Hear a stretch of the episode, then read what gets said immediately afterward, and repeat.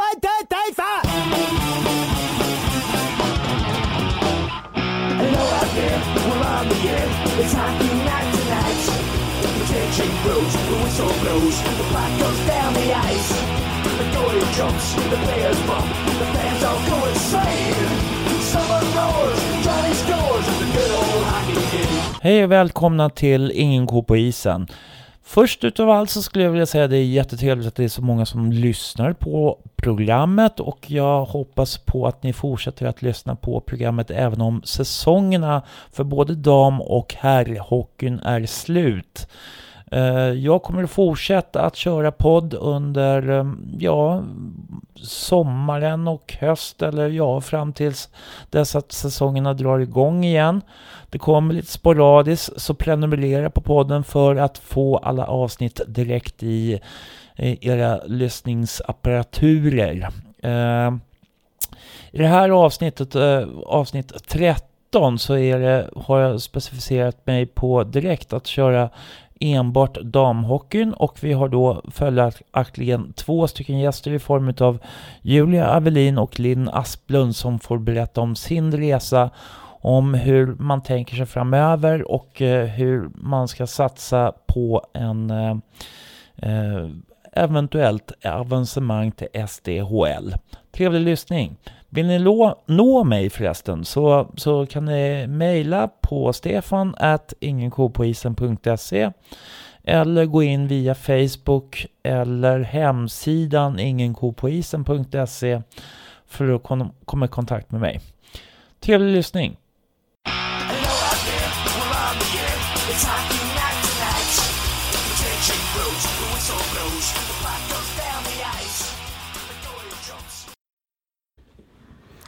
Hej och välkomna till avsnitt 13 och det här är alltså Ingen ko på isen med eh, mig Stefan Ståhl och idag så har vi en liten damspecial, damhockeyspecial. Så två nya gäster, ni kan väl presentera er. Hej, jag heter Julia Avelin, nummer 19 i damlaget. Position? Eh, forward. Eh, Linn Asplund heter jag, eh, nummer 18 eh, i damlaget och spelar back.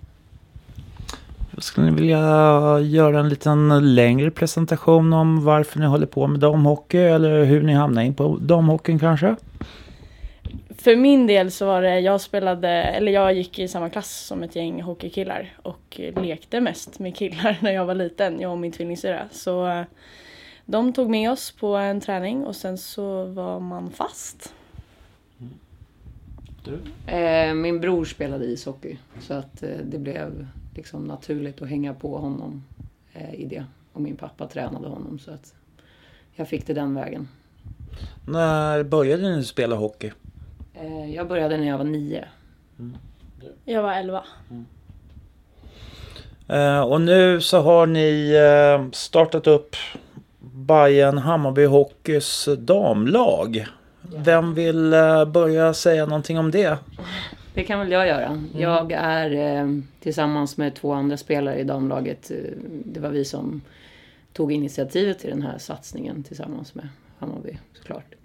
Ehm, och varför vi gjorde det? Vi spelade eh, ute i Haninge, två av oss. Och kände att eh, pendlingen dit tog för lång tid och egentligen undrade vi varför ingen, inget Stockholmslag tränar på Zinken. Och jag som är Hammarbyare eh, ja, ville helt enkelt starta ett, ett damlag i Hammarby. Hur, har, eh, hur, hur gick du tillväga då? då? Jag eh, skickade ett eh, mejl till ordförande. Så enkelt var det. Nej men så, så tog vi ett möte. Eh, där jag förklarade att jag tror att vi kan få ihop eh, ett bra gäng tjejer som vill köra i Hammarby. Eh, och vad vi hade för ambitioner med det och eh, såg om det, eller hörde om det matchade med liksom förutsättningarna som de kunde bidra med. Liksom. Eh, Julia, var du också med ute i Haninge eller? Nej, eh, men jag och Linn har spelat faktiskt i vår moderklubb, Hanviken, tillsammans. Och eh, då när man var yngre så var Linn den där coola stora förebilden. eh, men eh, så när Linn startade upp Hammarby så hade, var vi ett gäng från Hanviken som inte hade spelat på ett tag. Men ville börja spela igen och tyckte det var kul med Linn och alla de andra gamla Hanviken-tjejerna så att vi hakade på ganska fort. Ni fick ihop ett lag ganska så fort. Mm, väldigt fort. Alltså jag hade inte vågat drömma om att det skulle bli sån... Eller att det skulle vara så många tjejer som ville börja spela för Hammarby. Eh, dels för att det var ett, en helt ny satsning men ja, också för, som Julia sa, att det var många av dem som jag hörde av mig till som hade verkligen lagt skridskorna på hyllan for life, tänkte jag. Men som vi har sett, eh, typ som Julia, liksom har kommit tillbaka och kört hårt. Liksom. Så att det är ju en väldigt positiv överraskning och som hon säger är det väldigt, väldigt roligt att spela med tjejer som man, eh, som man spelade med när man var liten. Liksom. Uh, innan vi går vidare lite grann, jag ska vi ska fortsätta med det, så ska vi ta lycka liv i de två andra som sitter här också. Det är Henrik Våg som sitter här. Och vi har Viktor Nyström och eh, ni har ju, Henrik och Viktor har väl följt damhockeyn ända från början. Vad har ni att säga om damhockey? För det första ska jag säga att mitt namn uttalas Våge. Men det kommer jag aldrig kunna säga rätt i alla fall så det spelar liksom ingen roll. Ja, eh, jag kollade ju faktiskt häromdagen den första gången jag träffade eh, Linn var den 24 maj förra året. Så att ja, vi har följt dem ett tag. Och hur har den resan varit? Ja, jag vet inte. Alltså det är jättecoolt. Skitcoolt.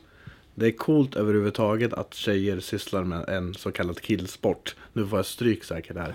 Ja, För- det får du. Men, eh, men eller, eller tvärtom. Det är jättecoolt när grabbar håller på med tjejsporter. Men alltså att vi, vi kan få bort det där med kill och tjejsporter. Eh, så att, eh, men överhuvudtaget så, alltså jag har ju följt dem jättebra. Alltså det är ju jättekul. Jättekul. Eh, det var lite så här blandade känslor i början. Liksom. Jaha, hur ska det här gå? Kommer det kosta extra pengar? Eller vart ska de spela? Och så vidare. och så vidare. Men alltså det, det har löst sig. Och det har varit riktigt kul. Jag har haft jättekul hela året. Viktor? Ja, nej men jag kan väl bara instämma. Alltså jag måste väl erkänna att jag hade nog inte sett en enda tjejhockeymatch innan. Typ bortsett från OS kanske. Eh, men jag blev positivt överraskad direkt. Att det var så pass bra kvalitet på spelet. Och vilken, alltså det är en väldigt bra grupp spelare med en bra mix av rutin och, och ungdom. Så att det har varit skitkul. Verkligen. Och sen att det har gått så bra sportsligt, det är ju bara en bonus. För det för oss vidare till eh, det, det som vi ska prata om lite grann. För nu har det ju faktiskt spelats den sista matchen för säsongen. Eh, hur känns det? Eh, ni kan ju berätta lite grann om hur det har gått till, till att börja med. Alltså hur det har gått i den sista Ja, matchen. nej, hur, hur, var, var, var är ni någonstans i er utveckling? Ni, ni hamnar ju faktiskt bara, vad är det, två poäng bakom Haninge för att gå vidare eh, till nästa serie. Vad är det? Är det stora elitserien, alltså damelitserien som är nästa? SDHL, ja, Ja. som är nästa. Eller? Otroligt påläst du är. Nej, jag, jag, nej, jag är här för att lära mig. Ja, men om vi hade, om vi hade vunnit över, ha, eller eh, vunnit serien så hade vi fått spela ett eh, SDHL-kval. Eh, eh, vinnaren i varje division 1 i de olika regionerna möts, möter eh, de två sista i SDHL.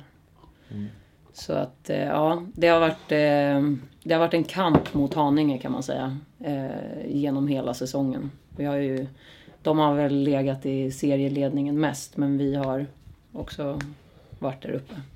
Mm. Men eh, vad har varit det svåraste då genom det hela? Alltså ni, ni startar i år stort, i stort sett va? och eh, hamnar ändå tvåa i serien. Det, det måste ju ha varit ganska mycket kamp på vägen. Vill ni säga något? Jo men eh, jag tycker att vi har, eh, alltså med de förutsättningar som vi har haft, vi har haft två träningar i veckan. När vi väl har varit där så har vi kört men eh, det blir vissa sena träningar. Vi har haft 22 till 23 på sinken ibland och då är det svårt att få till. Vi har många yngre spelare, många som jobbar, vissa har barn. Så att det är svårt att få folk till träningen ibland.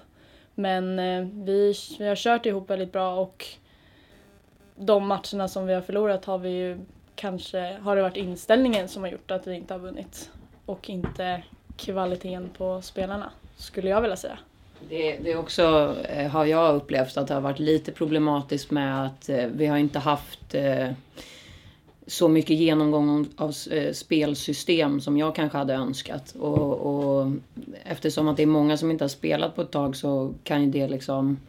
Man måste prata mycket om det och få mycket genomgång i hur vi spelar hockey i Hammarby. Liksom.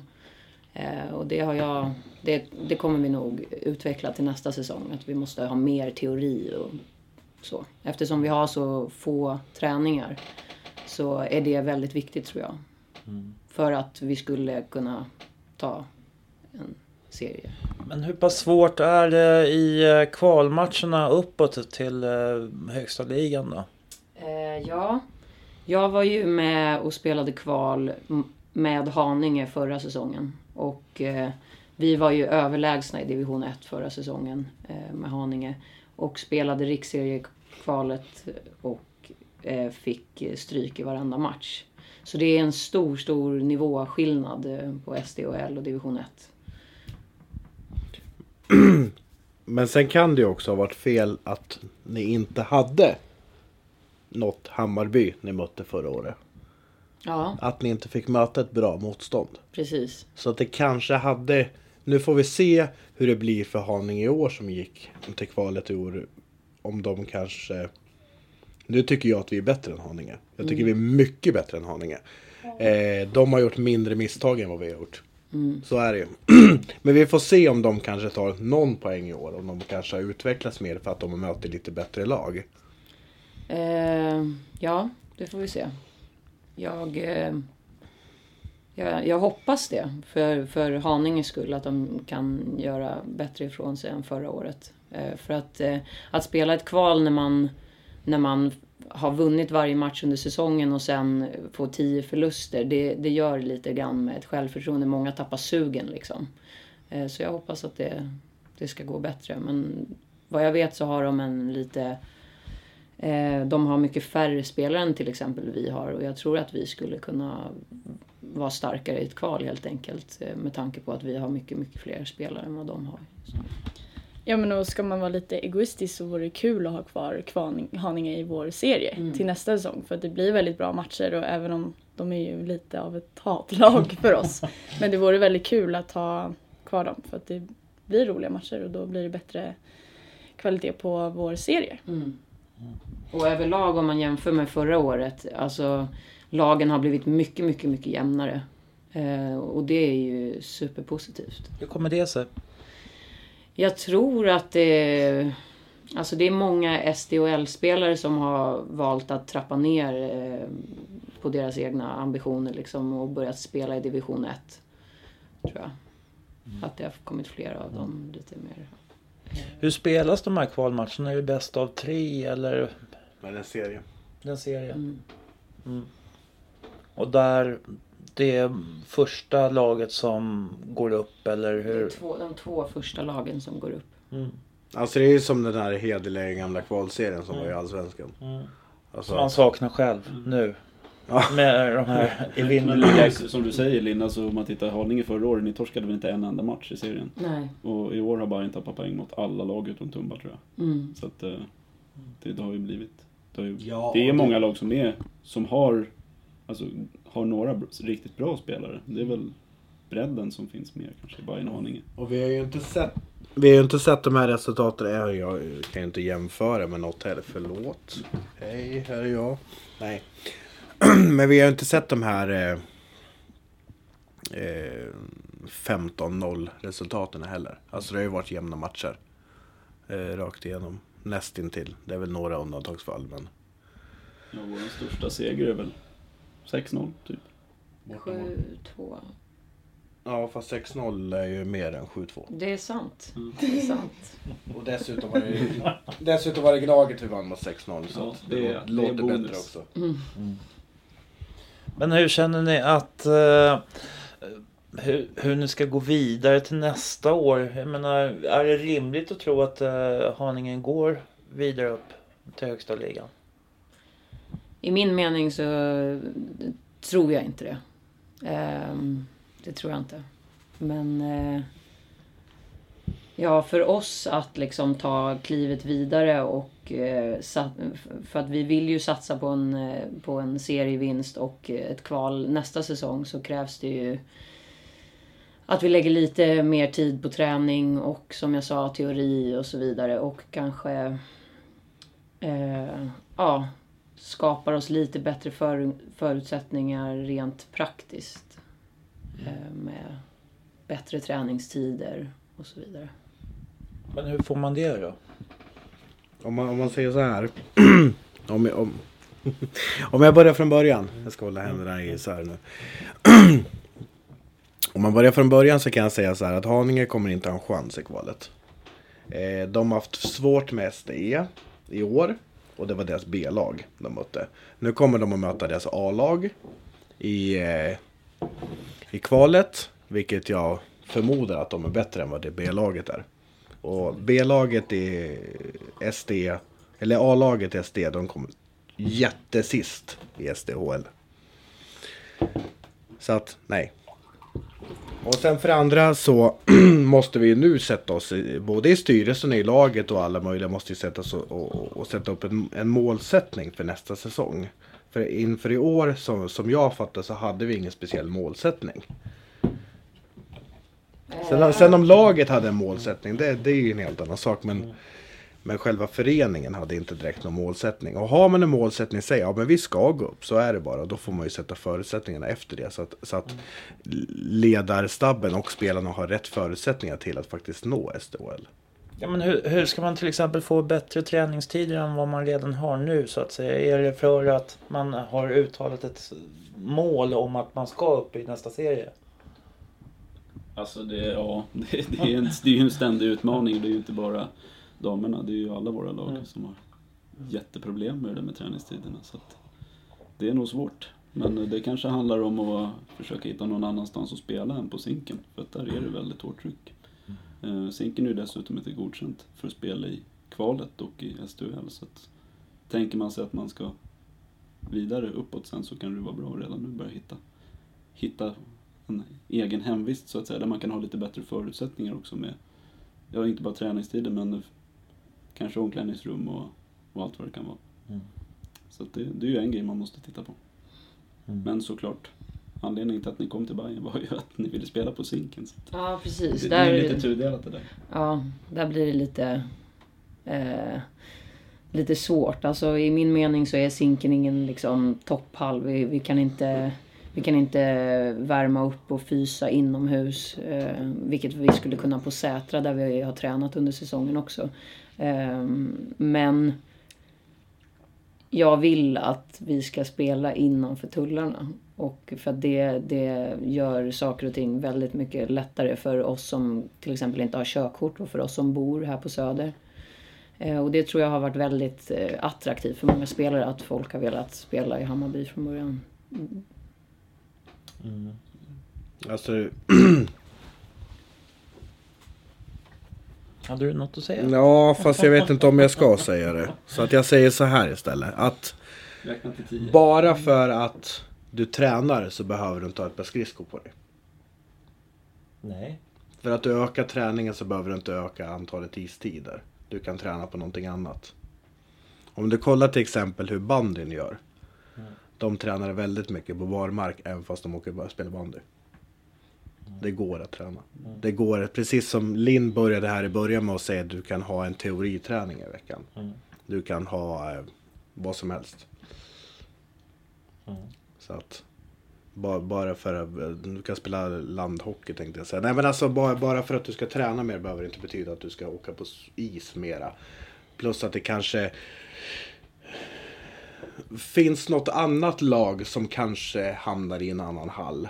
Eh, vi kanske till exempel får eh, tält på Kärrtorp som det har snackats om. Jag vet inte hur pass hemligt det är. Nej, jag vet inte.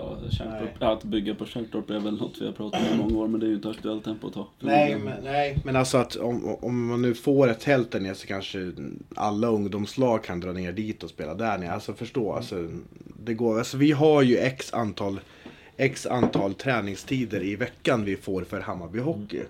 Sen är det ju upp till oss själva hur vi fördelar upp dem.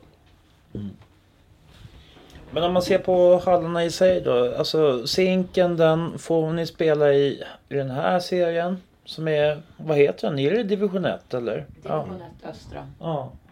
Och där får man spela på Zinken. Men sen så om man kliver upp ett steg till. Då får ni spela på ute i Sätra då. Ja, Om den finns kvar.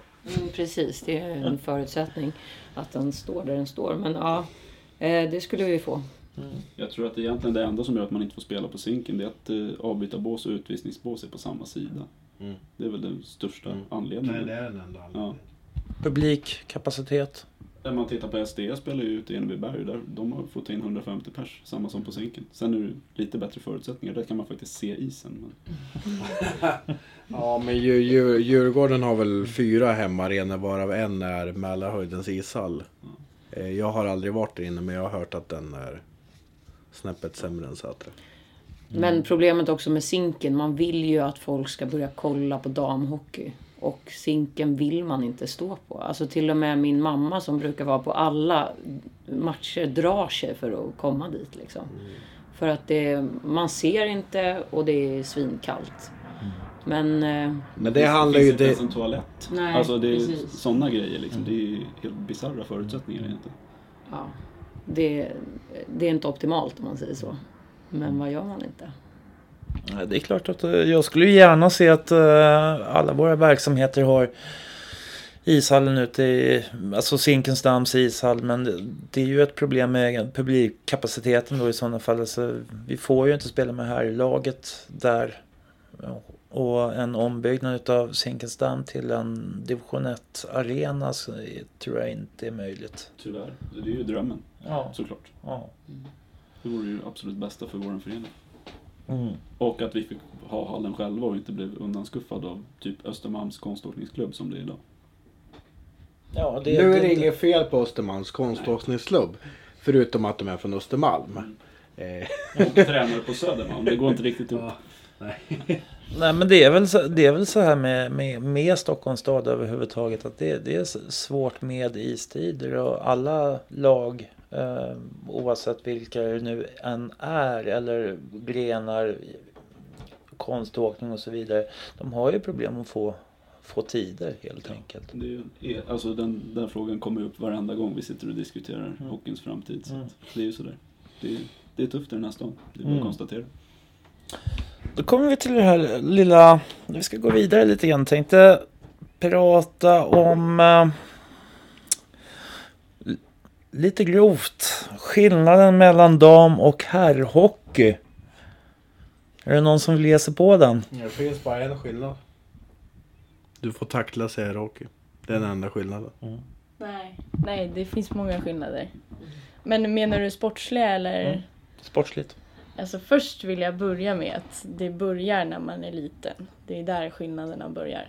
Man, eh, jag är tränare för ett flickhockeylag och det satsas inte på tjejerna. Eh, vi är 60 tjejer som delar ispass från hockeyskola, yngsta är 4 och äldsta tjejen är 14. Och det ser ut så i många klubbar att flicklagen får inga ispass för att det är lite lek och blaj och man satsar inte på tjejerna.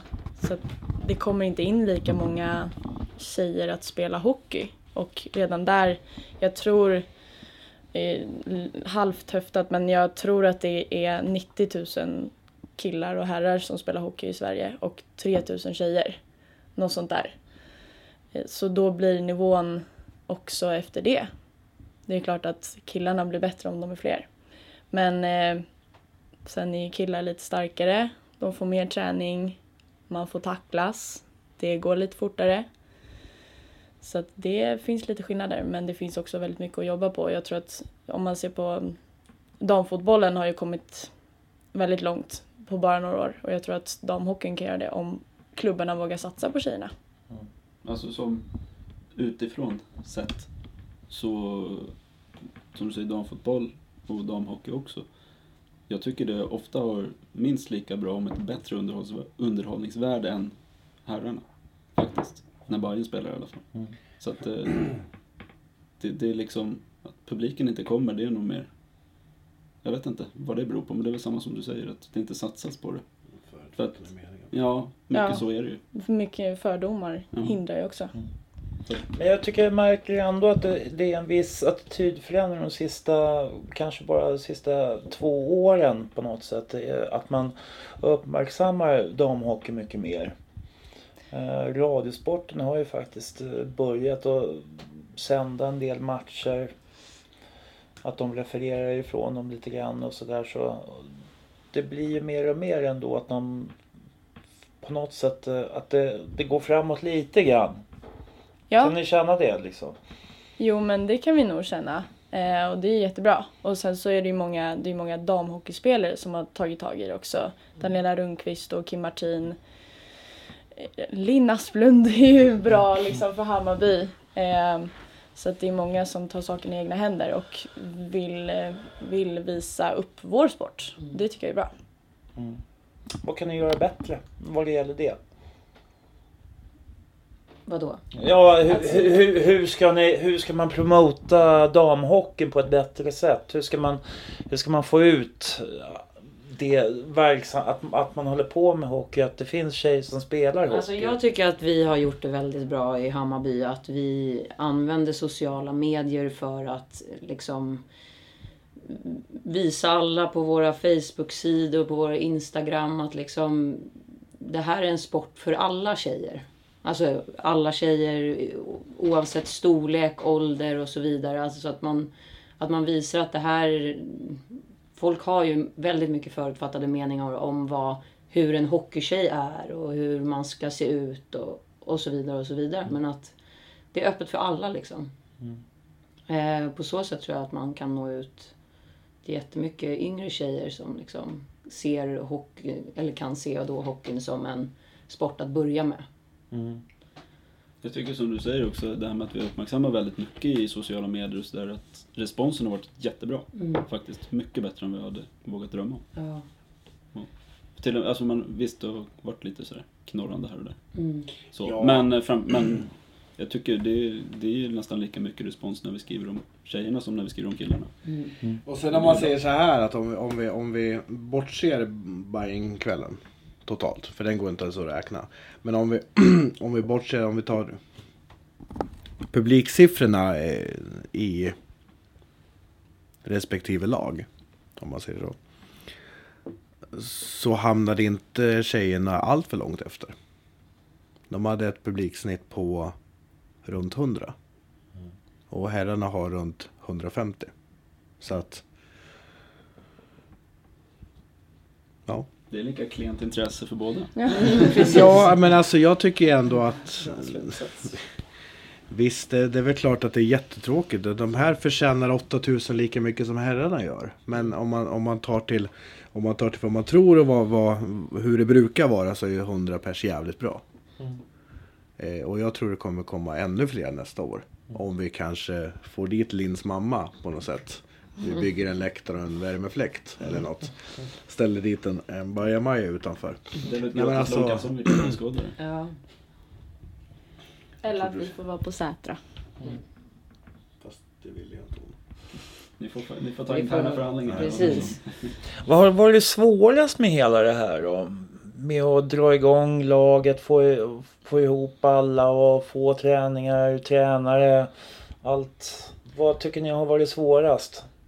Eh, svårast har väl egentligen varit att få, alltså det krävs ju en, eh, en eh, organisation bakom laget liksom. Som, som det som jag har känt har varit det svåraste är att få ihop alla de bitarna liksom. Eftersom att helt plötsligt har Hammarby ett till A-lag. för damer som ska ses efter och vi ska ha tränare och vi ska ha lagledare och vi ska ha båspersonal eh, och diverse andra poster som måste fyllas liksom. Eh, det har varit lite eh, eh, ja, det har varit en process helt enkelt. Men nu tror jag till nästa år att liksom det kommer stabiliseras och det kommer bli liksom Börjar det sätta sig mer i organisationen på något sätt? Alltså, att ni har, ni har bättre koll nu, så att säga. Alltså, Ja, än i början absolut såklart. Men om man, säger, Ja. om man säger så här att... Eh,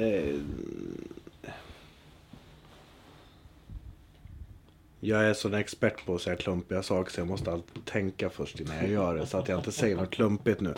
Om man säger så här, det märktes ganska mycket i början att, eh, att, eh, att eh, vi fick ta väldigt mycket hjälp av herrlaget för att vad behöver man till damlaget till exempel. Det, det tog mm, flera träningar innan vi kom på att vi bodde puckar till exempel. Alltså en sån grej. Eh, en sån där självklar grej som kanske har varit tidigare men, men nu är det faktiskt vi själva som har laget. Eh, eh, personalen till, till båset till exempel. Nu har jag fått kört med min personal som vi har haft på, på herrlaget. Vi har fått dubblerat. Vilket har gått väldigt, väldigt bra för att det har varit väldigt få krockar. Det hade kunnat varit mycket, mycket värre. Eh, och alla andra saker, alltså just sådana här små detaljer som man är så man är så bortskämd i herrarnas att Björne fixar allt. Eh, Men liksom nu det ska vara, det egentligen vi ska ha ett körschema varje match, det har vi aldrig haft. Eh, vi ska ha matchpuckar varje match, vi har kommit på det när domaren ska ha pucken. Oj, det jävla matchpuckar, det glömde vi. Eh, och och sådana där saker, fem minuter innan vi, vi kommer dit och bara oj, vem ska ha kafeterian idag? Alltså sådana saker, men det kommer ju att sätta sig bättre till nästa säsong. Hoppas jag. Eller det måste sätta sig bättre. Men nu vet vi, nu har vi kört en säsong och det gick bra. Både sportsligt, ekonomiskt och eh, organisationsmässigt. Kan man säga så? Mm, kan man säga. Hur ser laget ut nu då inför eh, nästa säsong? Eh, Vad, har, har ni hunnit... Nej men det är svårt, att- det är svårt att gå, gå över på något vettigt sätt. Jag, ursäkta mig för det liksom. Men, men jag förstår att det, organisationen ser bättre ut och man tar Men då måste man ju titta lite grann på hur, hur det ser ut inför nästa säsong. Eh, har ni hunnit snacka någonting om, alltså hur går tonläget mellan er spelare? Kommer alla att fortsätta? Vill man fortsätta? Ehm, ja, alltså som snacket går, nu, nu har vi ju bara, nu hade vi vår sista match i lördags. Men eh, som snacket går så har vi haft en sjukt rolig säsong och många är väldigt taggade på att fortsätta spela. Och på att göra en riktigt bra försäsong så att vi kan vara bäst och bara utklassa alla andra lag nästa säsong. Ehm, och jag tror många av oss, eller de som jag har snackat med i alla fall, har det känns ju tråkigt att säga det men tycker ändå att det känns helt okej att vi inte to- tog oss till ett kval. För att det är bra att vårt lag får en säsong till på oss att träna ihop oss och att tagga till inför SDHL så att vi kan vara med där och kriga också. Men eh, sen vet man inte om man själv tar en tröja så att man ska inte säga för mycket kanske. Alltså jag kan säga så här att Julia är inte dugg kaxig. Alltså hon är snarare ödmjuk. Alltså får, alltså stannar alla, nu vet vi en spelare som inte kommer stanna och det nämner vi inga namn idag. Eh, men, men alltså skulle alla förutom hon stanna så kommer vi krossa nästa år. Alltså ärligt, vi kommer krossa. Och dessutom kommer det att komma spelare som faktiskt vill spela med oss nästa år. Som eh, Alltså, förlåt att jag avbryter, men intresset bara nu eh, in, efter, eh, efter julen och juluppehållet från spelare som spelar i andra storklubbar här i Stockholm.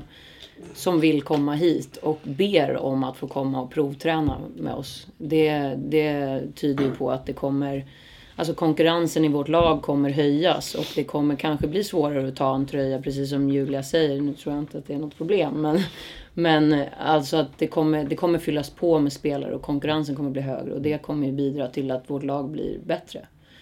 Eh, vilket såklart känns väldigt, väldigt roligt. Ehm, så, men men eh, vi i styrelsen, nu är jag med i styrelsen också, Eh, allt i allo. Eh, vi behöver sätta oss ner och som Henrik sa gå igenom målsättning och lägga upp en plan för nästa säsong. Och diskutera vilka tränare vi ska ha inför nästa säsong. Eh, ja, och sätta en ambitionsnivå helt enkelt. För att- Men s- vi kan ha möte här över ett år och vi kan spara den här mjölken och vi kommer dricka upp den om vi inte går till kval nästa år. Mm. Nej men garanterat. Så, Det är det. bra. så pass bra är Mm, de, mm. om de vill. Mm. Och det är ett sjukt skönt gäng. Alltså det är 25, 23. 25 nu. Jag tar med mig den här mjölken då så sparar jag den. Den får ligga i min alltså, det är källare. 25 sjukt sköna tjejer som verkligen hjärtar varandra. Alltså de verkligen, alltså det finns ingen osämja någonstans. Alla är exakt lika bra vänner med varandra, i alla fall vad jag har sett. Eh, och det är viktigt. Det är riktigt, riktigt. Förlåt. Ekonomiskt då? Hur, eh, ni säger att det har gått ihop och det funkar. Sponsorer, hur har det funkat med det? Ehm, Alltså, när jag hade det här första mötet som jag pratade om i början, då, då jag hade alltså ingen aning om hur mycket pengar det kostar att ha ett eh, A-lag eller ett damlag. Eh, så kommer jag ihåg att eh, ja, en i styrelsen sa, ja men ungefär, vi måste väl få in ungefär 250 någonstans där. Då fick jag en chock alltså. För att jag, jag visste ju helt, jag har ingen erfarenhet av att bedriva ett lag liksom. Men då gav vi oss ut på sponsorjakt och den, det gensvaret vi fick från massa olika företag som gick in och sponsrade, det var helt otroligt. Vi fick in mm, 200 000 på två månader. Eh, och det är ju, alltså utan de sponsorerna som sponsrar damhockey och damidrott överlag, då skulle inte vi finnas. Alltså. Mm. Så det, jag har blivit så positivt överraskad över hur många det är som är villiga att liksom lägga pengarna på en dam, ett damlag. För så har det inte alltid varit. Liksom. Men det ligger ju lite i tiden att främja jämställdheten, bara inte, inte bara inom idrotten men överlag. Så det är, vi är på rätt väg. Blir det att ni får åka iväg på olika sådana här sponsorträffar och sådana där saker? Det är, nu på fredag så ska det ju faktiskt vara en sponsormatch. Som dock är på dagtid så jag vet inte hur många som kommer kunna. Men eh, det är en sak. Ja.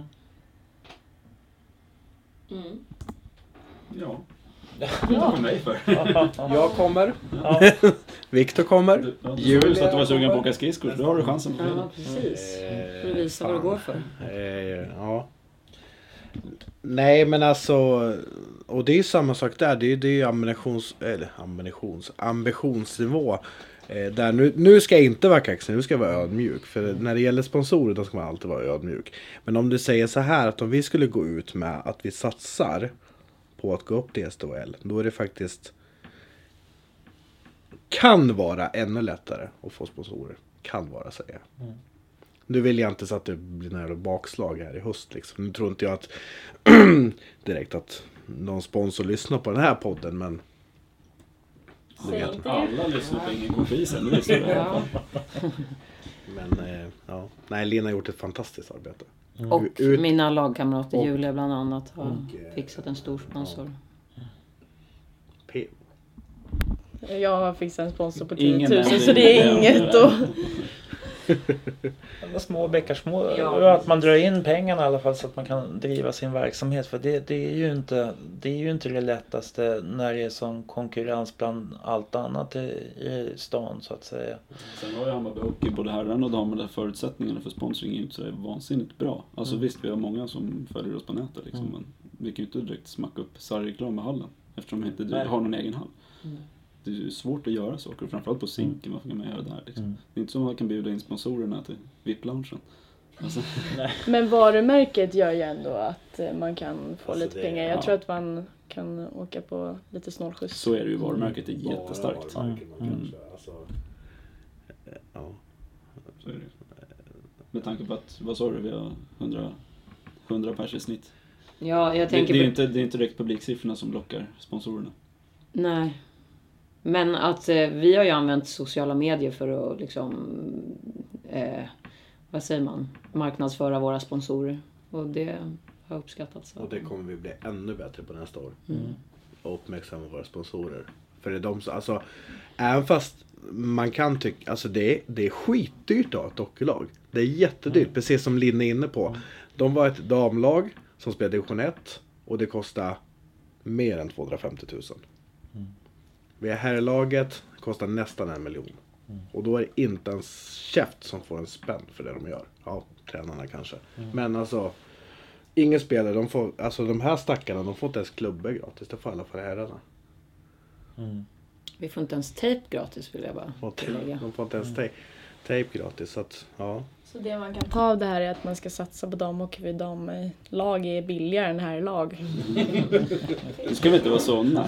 Nu ska vi satsa på alla lag. Alla behöver pengar. Men så är det. Man får jobba hårt alltså, så att förutsättningarna blir bättre. De förutsättningar vi kan eh, utföra. Till exempel att tjejerna kanske ska få en klubba gratis. Att de kanske ska kunna åtminstone fixa sina skridskor på någon orde- ordentlig reparatör. Vad heter skridskoverkstan eller vad heter det? Alltså, Slipa. Vi har ju alltså tjejer, inte för att det gör dem någonting för att de skrattade mest när jag frågade om de vill ha nya skridskor. Men det finns ju de som har eh, 80-talsrör liksom nästan till. Nej men alltså, nej kanske inte men. Så förutsättningarna på det är ju bättre. Alltså. Alltså, eller det kan bli bättre på det. Även fast de kanske inte kan få mera istid, de kanske inte kan få mera eh, de kanske inte eh, kan få bostad och sådana där saker eller lön men alltså de kanske kan få lite materiella ting. Och just de här detaljerna är så jäkla viktiga när det gäller människor överlag. Men det kan vi ta någon annan gång. Det, det, det, är ju, det är ju en utrustningssport ändå. Liksom. Jag menar det, och då är det ju ännu svårare om man tänker att det satsas mest på killar och så ska tjejen, ska en liten tjej då som är 8-10 år. Pappa jag vill ha liksom ishockeyutrustning och har man de fördomar man har så kanske det är svårt. Ja men eh, då får vi ta död på de fördomarna. Mm. Hur upplever du, du som jobbar då med ett eh, flick, med flicklag och unga tjejer, liksom, hur, hur, känner du att du blir mottagen bland föräldrar, liksom, att, hur föräldrar ser på hockeyn? Vissa, vissa föräldrar är lite så här att storebrorsorna spelar och sen så får tjejen också, lilla syster också vara med och leka. Lite så. Men vissa är ju, vill ju att deras döttrar ska gå till NHL även fast man inte kan gå till NHL som tjej.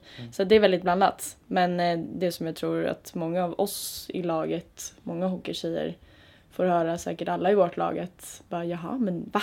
Nej men du ser inte ut som en hockeystjej. Men hela laget ser ut som hockeytjejer för det är så här hockeytjejer ser ut. Ehm, så att jag tror att man måste döda lite fördomar. Vad är definitionen på en hockeytjej enligt dem? Vad är man då? Hur ser man ut då? Ja, som en, eh, som en kille kanske lite mer. Lite så här grabbig och snusar och ja.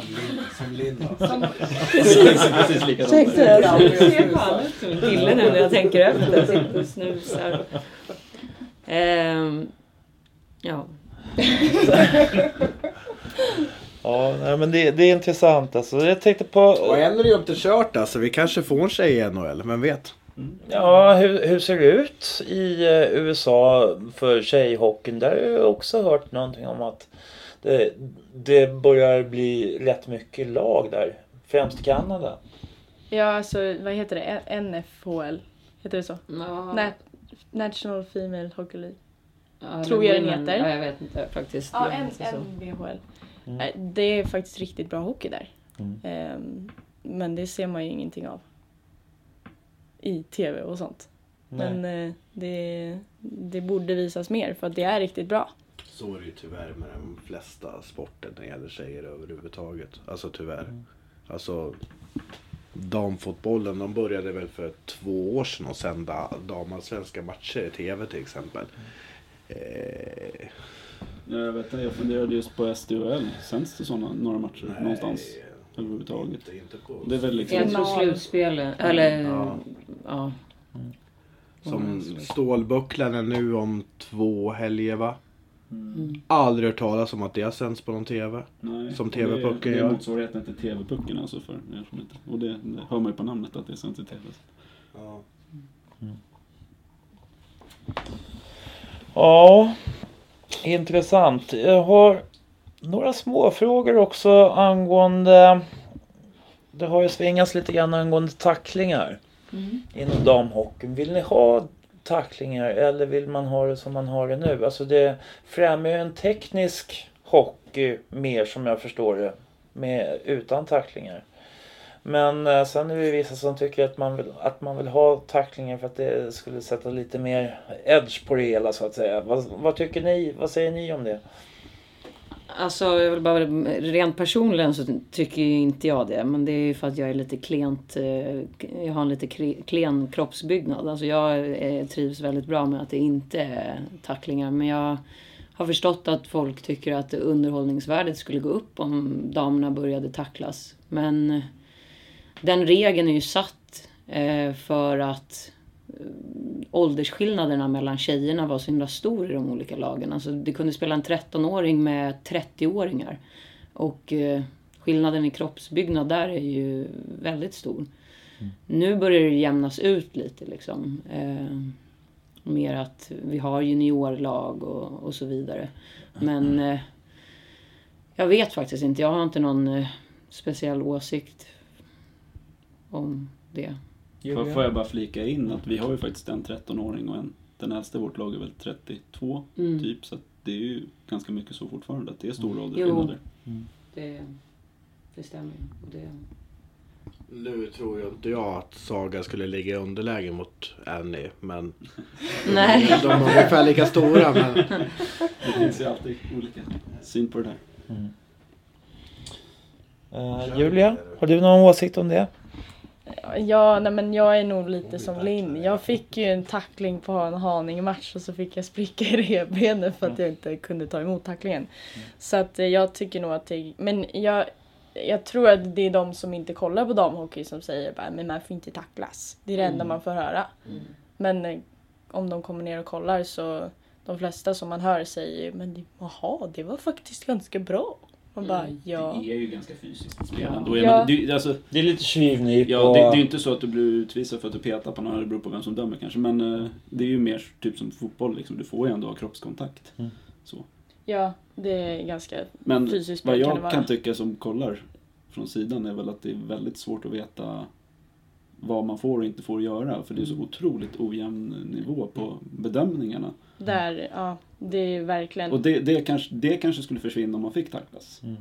Men eh, det är skönt för jag fick liksom, jag slapp prata egentligen nu för att de sa allting det jag sa. Eh, Jag skulle säga det till exempel att det första varför de inte fick tacklas, men det fick vi svar av Linn. och sen tänkte jag också just det här att det, jag har ingenting emot om de får tacklas eller inte får tacklas. Jag tycker kanske att det är bättre att de inte får tacklas, för annars skulle vi få otroligt mycket skador.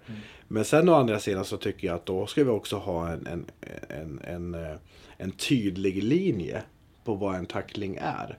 För att det är väldigt olika från domare till domare vad en tackling är och det är väldigt, domare från, eller väldigt olika från period till period vad en domare tycker. Ibland kan du ha världens propp och ibland kan du åka ut för att du stoppar en spelare med en klubba bara lite grann. Så att tydligare nivå.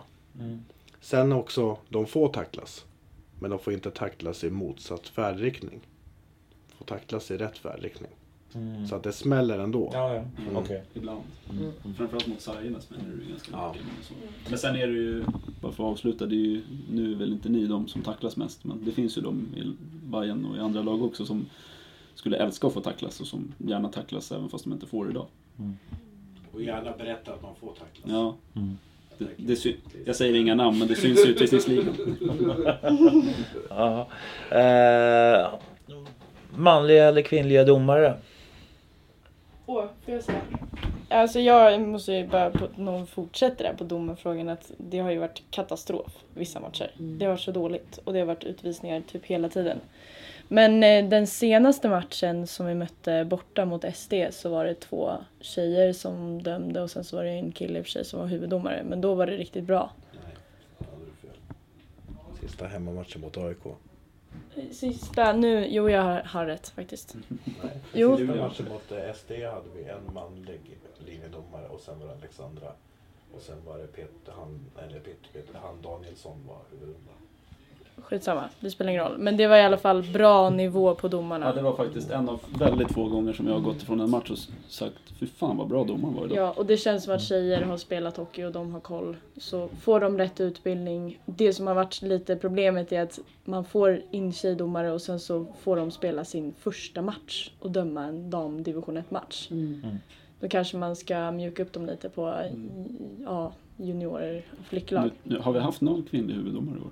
Nej. Jag tror inte det. Finns det något? Nej, ja, det finns men inte många. Men däremot har vi haft kvinnliga linjedomare vid flera tillfällen. Ja, ja. Bland annat på Bajenkvällen var det två kvinnliga och de tycker jag, de har, tycker jag har varit bra. Nej, nu ska jag inte lägga De tycker jag nästan har varit bättre än sina manliga kollegor många gånger. Faktiskt. Alltså, alltså både Alexandra och Jonna är otroligt bra domare. Alltså de är jätte, jätteduktiga.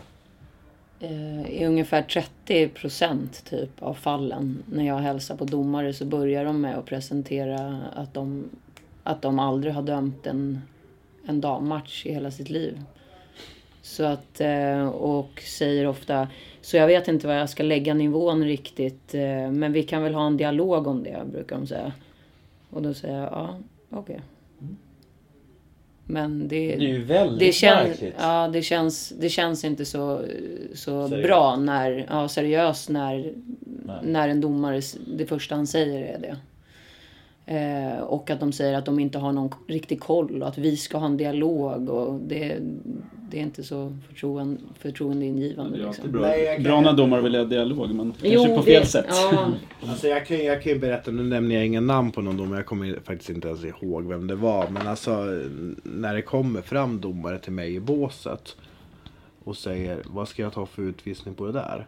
Eh, då är det fel. För då kan man ge fan i att ta en utvisning. Om man inte har någon aning om vad den ska åka ut på, då kan man ge fan i att ta en. Eh,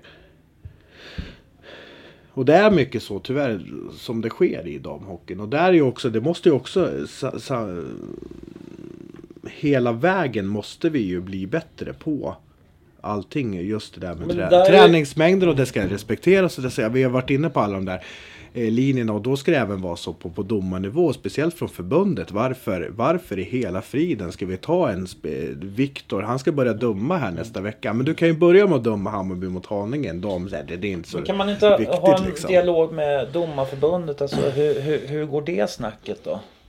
Finns, finns det någon dialog överhuvudtaget? Inte vad jag vet. Från och med idag finns det. Ja, nu jävlar nu slår vi näven i bordet här.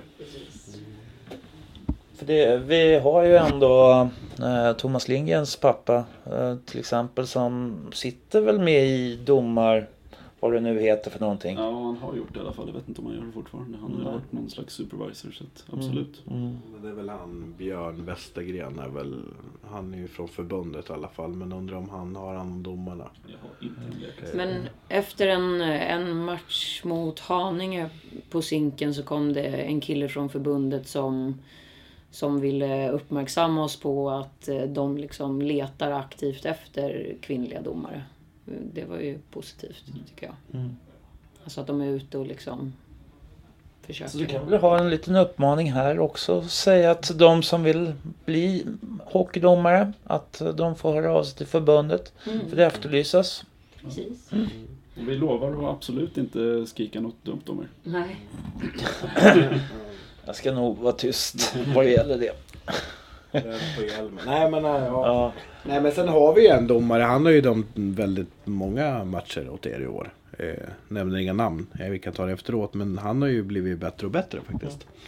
Men tyvärr så avgörs ju, alltså den här serien eftersom att det är en rak serie hela vägen så är ju omgång ett exakt lika viktig som omgång 28.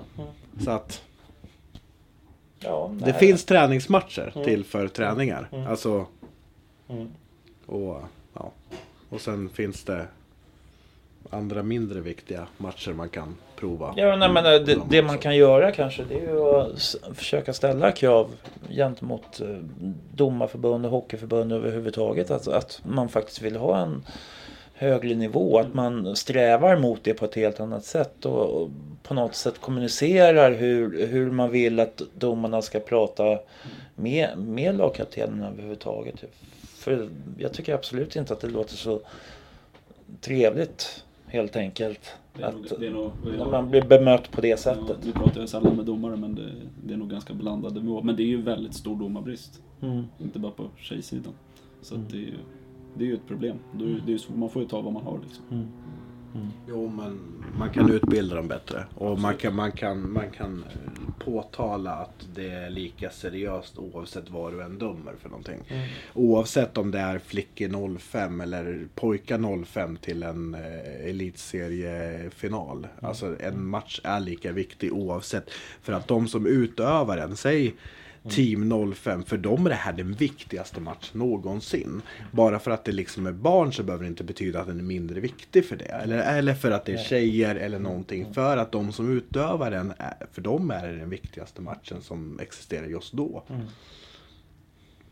Ja, visst är det så. Så att liksom att överhuvudtaget att det kommer fram en domare som säger så här, det är min första match och jag har ingen aning vad jag ska döma. Nej men håll en nivå, håll vilken nivå som helst men håll din nivå. För då lär sig spelarna vilken nivå han, eh, han eller hon kommer hålla. Istället för att bara, vilken nivå tycker du att vi ska ha idag Linn? Nej men alltså det, det är ju jätte, Det blir jättekonstigt. jätteoseriöst. jättekonstigt ja.